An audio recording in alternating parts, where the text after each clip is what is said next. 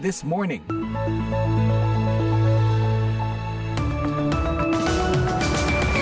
Halo halo pendengar, akhir pekan sudah tiba ya. Happy weekend. Banyak acara digelar di ibu kota Amerika ini. Salah satunya pentas gerak dan musik Lutung Kesarung yang akan ditampilkan oleh anak-anak diaspora Indonesia. Menarik kan? Simak saja liputan kami nanti. Saya Puspita Sariwati bersama produser Bani Rahayu menjumpai Anda dalam VOA This Morning dengan sejumlah laporan dan info terkini. Di antaranya, India dan AS akan perkuat kerjasama teknologi untuk menghalau Tiongkok. Anda mungkin akan melihat semakin banyak penekanan India menyediakan banyak tenaga kerja berlatar belakang teknologi dan teknik. Majelis Hakim Mahkamah Konstitusi menolak permohonan uji materi Undang-Undang Nomor 7 Tahun 2017 tentang Pemilu. Praktek politik uang sangat mungkin terjadi di antara elit partai dengan para calon anggota legislatif yang berupaya dengan segala cara untuk berebut nomor urut calon jadi. Pendengar, jangan lupa nanti ikuti pula bincang-bincang soal kesetaraan dalam memperoleh kesempatan kerja tanpa diskriminasi. Siaran ini juga dapat Anda ikuti secara live streaming di www.voaindonesia.com atau simak dalam podcast VOA This Morning episode hari ini di podcast langganan Anda. Kini kami sampaikan berita dunia bersama rekan Eva Masrieva. Selamat pagi pendengar, Menteri Luar Negeri Amerika Anthony Blinken hari Kamis mengatakan diperlukan keterlibatan semua pihak dan kemitraan luas untuk memberantas perdagangan manusia. Hal ini ditegaskannya saat peluncuran laporan tahunan tentang perdagangan manusia 2023 di Departemen Luar Negeri Amerika yang ikut dihadiri oleh utusan khusus untuk pemantauan dan pemberantasan perdagangan manusia, Cindy Dyer. The United States is committed to combating human trafficking because it represents an attack dalam sambutannya, Blinken mengatakan Amerika berkomitmen untuk memerangi perdagangan manusia karena hal itu merupakan serangan terhadap hak asasi manusia dan kebebasan, melanggar hak universal setiap orang untuk memiliki otonomi atas kehidupan dan tindakan mereka sendiri. Saat ini ujarnya ada lebih dari 27 juta orang di seluruh dunia yang haknya telah dicerabut. Menurut Departemen Luar Negeri ada jutaan orang yang dieksploitasi di dalam dan luar perbatasan, yang dipaksa bekerja di pabrik-pabrik dengan upah kecil atau bahkan tanpa upah, bekerja di perkebunan, pertambangan, lokasi konstruksi, kapal-kapal nelayan dan bahkan rumah pribadi dalam kondisi yang buruk. Bank Sentral Eropa hari Kamis terus melanjutkan kenaikan suku bunga dan menjanjikan beberapa langkah serupa guna meredam inflasi yang telah membuat harga bahan pangan, tagihan utilitas, dan liburan musim panas melambung tinggi. Bank Sentral Eropa tetap menerapkan kebijakan ini meskipun Bank Sentral Amerika memutuskan tidak menaikkan suku bunga pada bulan Juni ini. Kepala Bank Sentral Christine Lagarde mengatakan, The Governing Council therefore today decided to raise the three key ECB Peningkatan seperempat poin persentase membuat tingkat suku bunga saat ini menjadi 3,5 persen, ujar Lagarde. Ini merupakan kenaikan ke-8 berturut-turut sejak Juli 2022 yang diberlakukan di zona yang mencakup 20 negara pengguna mata uang euro. Langkah ini merupakan bagian dari kampanye yang belum pernah terjadi sebelumnya untuk memperketat aliran kredit ke perekonomian seiring upaya Bank Sentral Eropa mengembalikan inflasi ke kisaran 2 persen. Inflasi di Eropa saat ini mencapai 6,1 persen.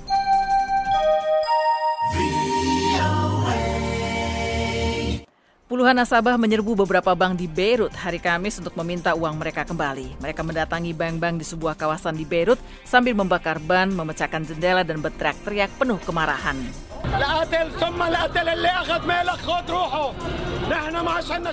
Rami Gamdur yang merupakan nasabah salah satu bank di Beirut mengatakan ia siap membunuh atau dibunuh. Saya akan ambil kembali uang yang telah ditahan.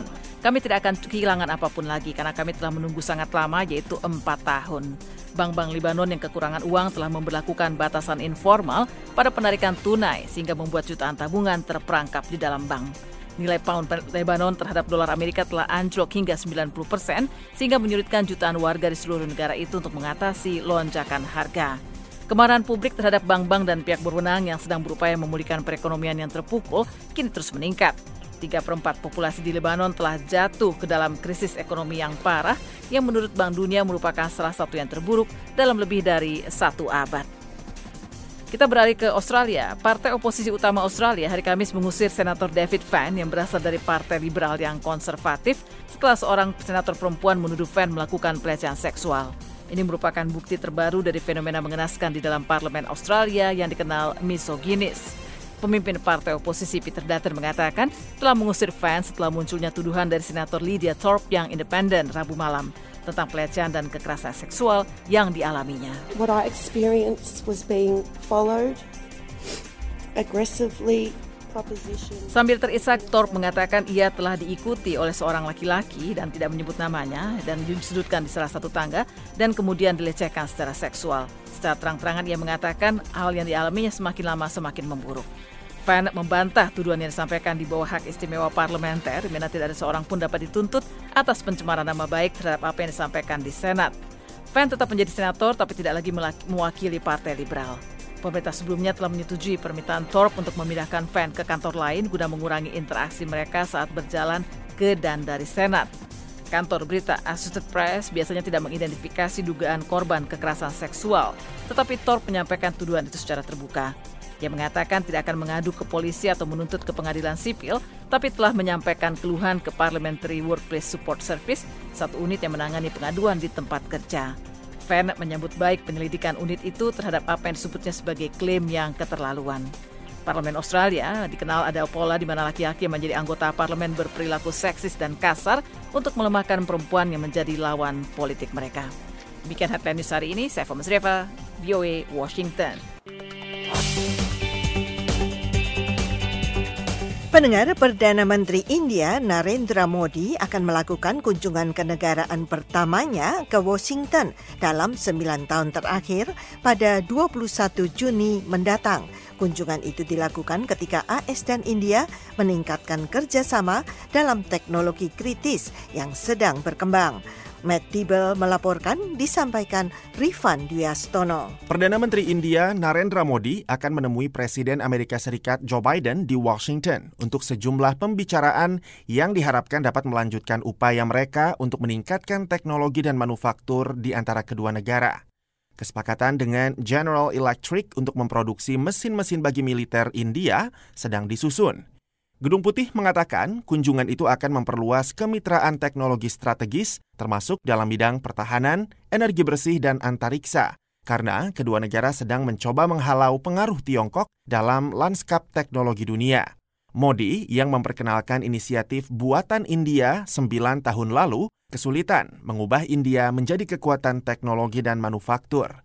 Rick Russo adalah Kepala Studi Kebijakan Amerika India di Center for Strategic and International Studies. There are areas in the past where India has had uh, global scale success in manufacturing. Ada bidang-bidang manufaktur di mana India dulu sukses di skala dunia, tetapi jumlahnya tidak banyak dan langka.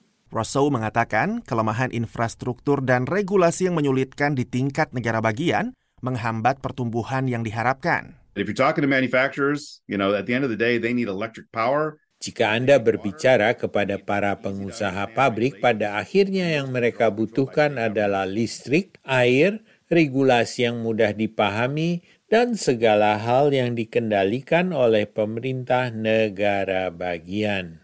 Ben Zhang merupakan CEO Greater Pacific Industries. Perusahaan Amerika milik Ben Zhang memiliki sejumlah perjanjian manufaktur di India. Tapi ia menilai negara itu masih punya banyak pekerjaan rumah untuk bisa bersaing dengan Tiongkok dalam hal harga dan kecepatan. China is like, okay, you get a project. Kalau di Tiongkok, oke, okay, Anda dapat proyeknya, boom, boom, boom, selesai.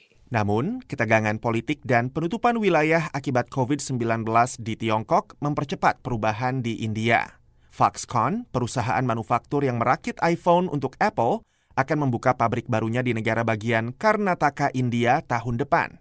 Pabrik baru itu akan menyerap 50 ribu tenaga kerja, menurut kantor berita Reuters. Russell mengatakan berlimpahnya bakat dalam bidang tekniklah yang mungkin membantu India membuat lompatan ke depan. You'll probably see more of an emphasis on India providing a lot of the technology and engineering. Anda mungkin akan melihat semakin banyak penekanan India menyediakan banyak tenaga kerja berlatar belakang teknologi dan teknik. Pengembangan, perancangan, dan riset mengenai server adalah keahlian India. India sudah menyalip Tiongkok dalam jumlah populasi. Tapi India masih berjuang untuk merebut dominasi dalam industri teknologi dan manufaktur. Rifan Wiastono, VOA Washington.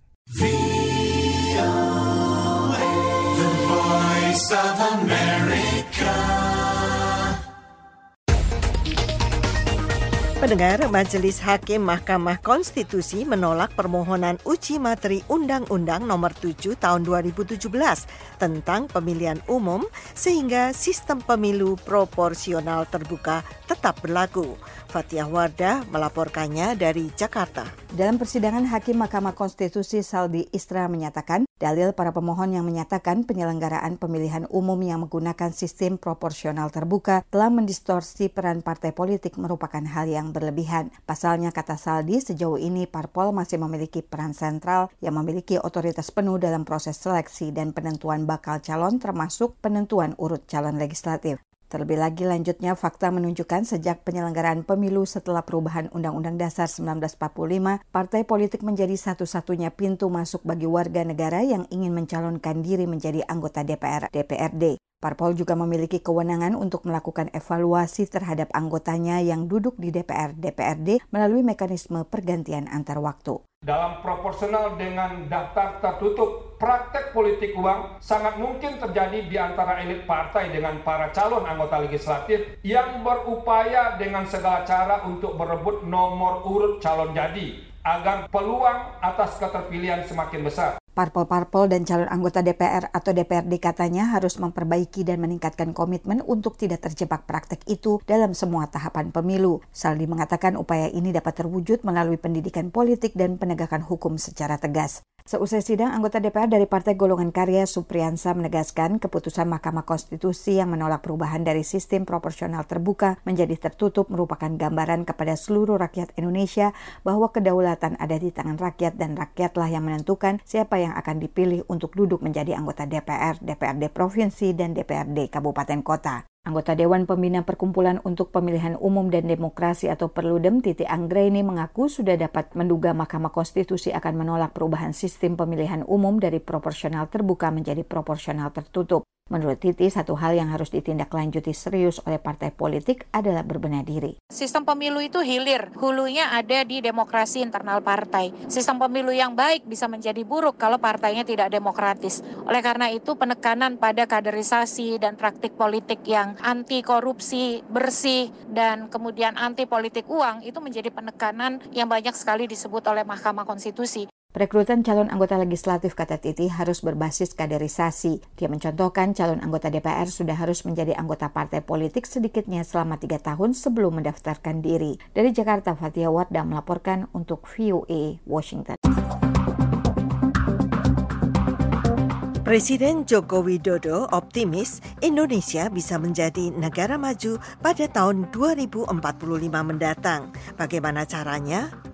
Untuk membawa kapal besar bangsa Indonesia menggapai cita-cita Indonesia Emas 2045 menjadi lima besar ekonomi dunia. Peluangnya ada, hitung-hitungannya saya sudah dengar semuanya. Dari Bapenas saya sudah dengar kalkulasinya, dari McKinsey saya sudah dengar hitungannya, dari IMF saya sudah dengar hitungannya, dari Bank Dunia, World Bank juga saya dengar hitung-hitungannya. Hampir mirip-mirip. Meski bukan hal yang mudah, Jokowi yakin tahun 2045 pendapatan per kapita Indonesia akan melompat dari 5.030 dolar Amerika Serikat per tahun di 2023 menjadi 23.000 dolar Amerika Serikat hingga 30.300 dolar Amerika Serikat per tahun atau sekitar 340 hingga 440 juta rupiah. Untuk mewujudkan itu, kata Jokowi, perlu visi, misi, serta strategi taktis dan kemampuan yang baik dalam mengeksekusinya. Ia sendiri menyebutkan tiga hal penting yang harus dilakukan untuk menggapai mimpi tersebut. Pertama adalah menciptakan stabilitas, karena jika negara sedang berkonflik,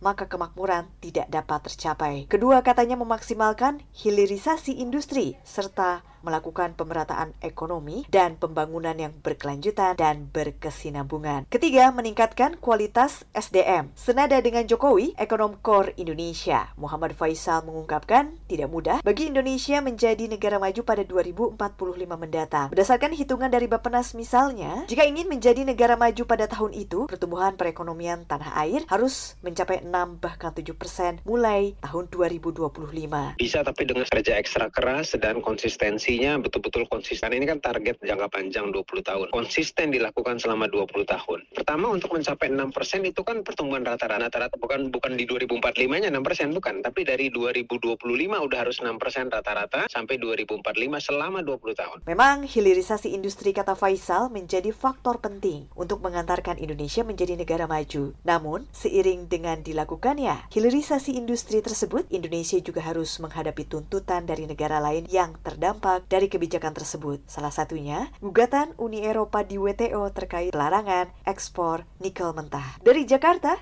Gita Intan melaporkan untuk VOA Washington.